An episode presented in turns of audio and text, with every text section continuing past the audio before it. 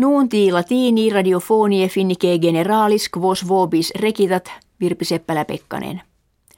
Regimen finnorum relationem de politica securitatis et defensionis comprobavit. Consilia de novis armis acvirendis in posterum differuntur, sed tres rationes fundamentales integre servantur. Pro primo, finiam manere extra confederationes militares. Pro secundo, militiam esse obligatoriam. Pro tertio, totam patriam esse defendendam. Anno vergente kirkiter quadringenta milia via torum russorum in finiam venire estimantur. Numerus decemfere centesimis major est quam anno ante. Verisi militer itinera in finiam suscepta etiam proximis annis auge buntur nam septuaginta fere centesime russorum non dum terras peregrinas visita verunt. Finnia viatores russos non tantum propter vicinitatem sed etiam pretis opportunis et qualitate mercium atrahit. Major pars hospitum Finniam orientalem et Laponiam frequentare solet, sed hoc anno novi viatores russi aeroplanis et tra minibus specialibus aut autoredis etiam in regiones interiores veniunt. Postquam primus minister Marius Monti se munus depositurum esse nuntiavit presidens Georgius Napolitano parlamentum Italiae dimisit.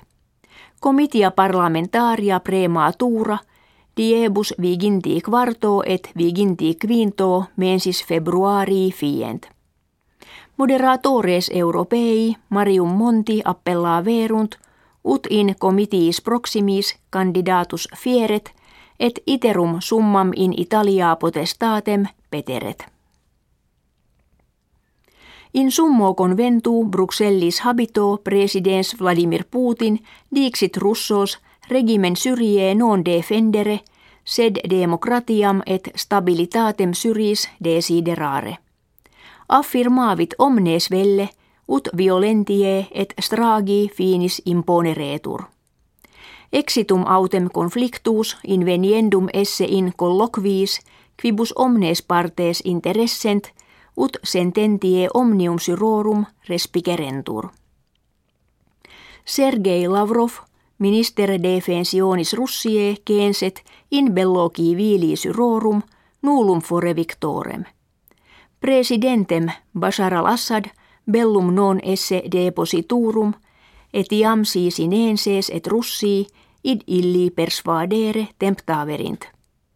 Illum in nullam partem iturum esse, quid vis illi qui vis dixerit.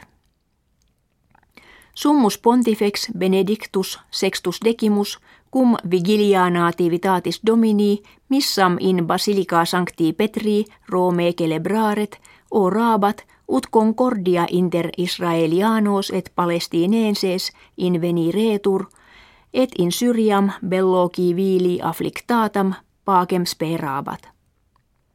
Ad hoc in bello Syriaco plus quadraginta milia hominum perierunt.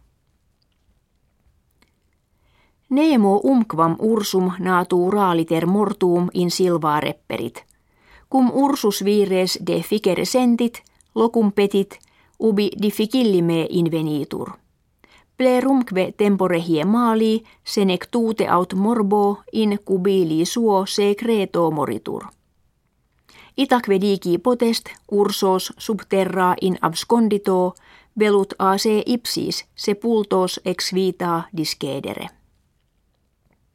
Ultimis huius anni nuuntis latinis recitatis auscultatoribus pro fidelitate gratias agimus et novum annum bis tertium decimum bonum faustum felicem exoptamus.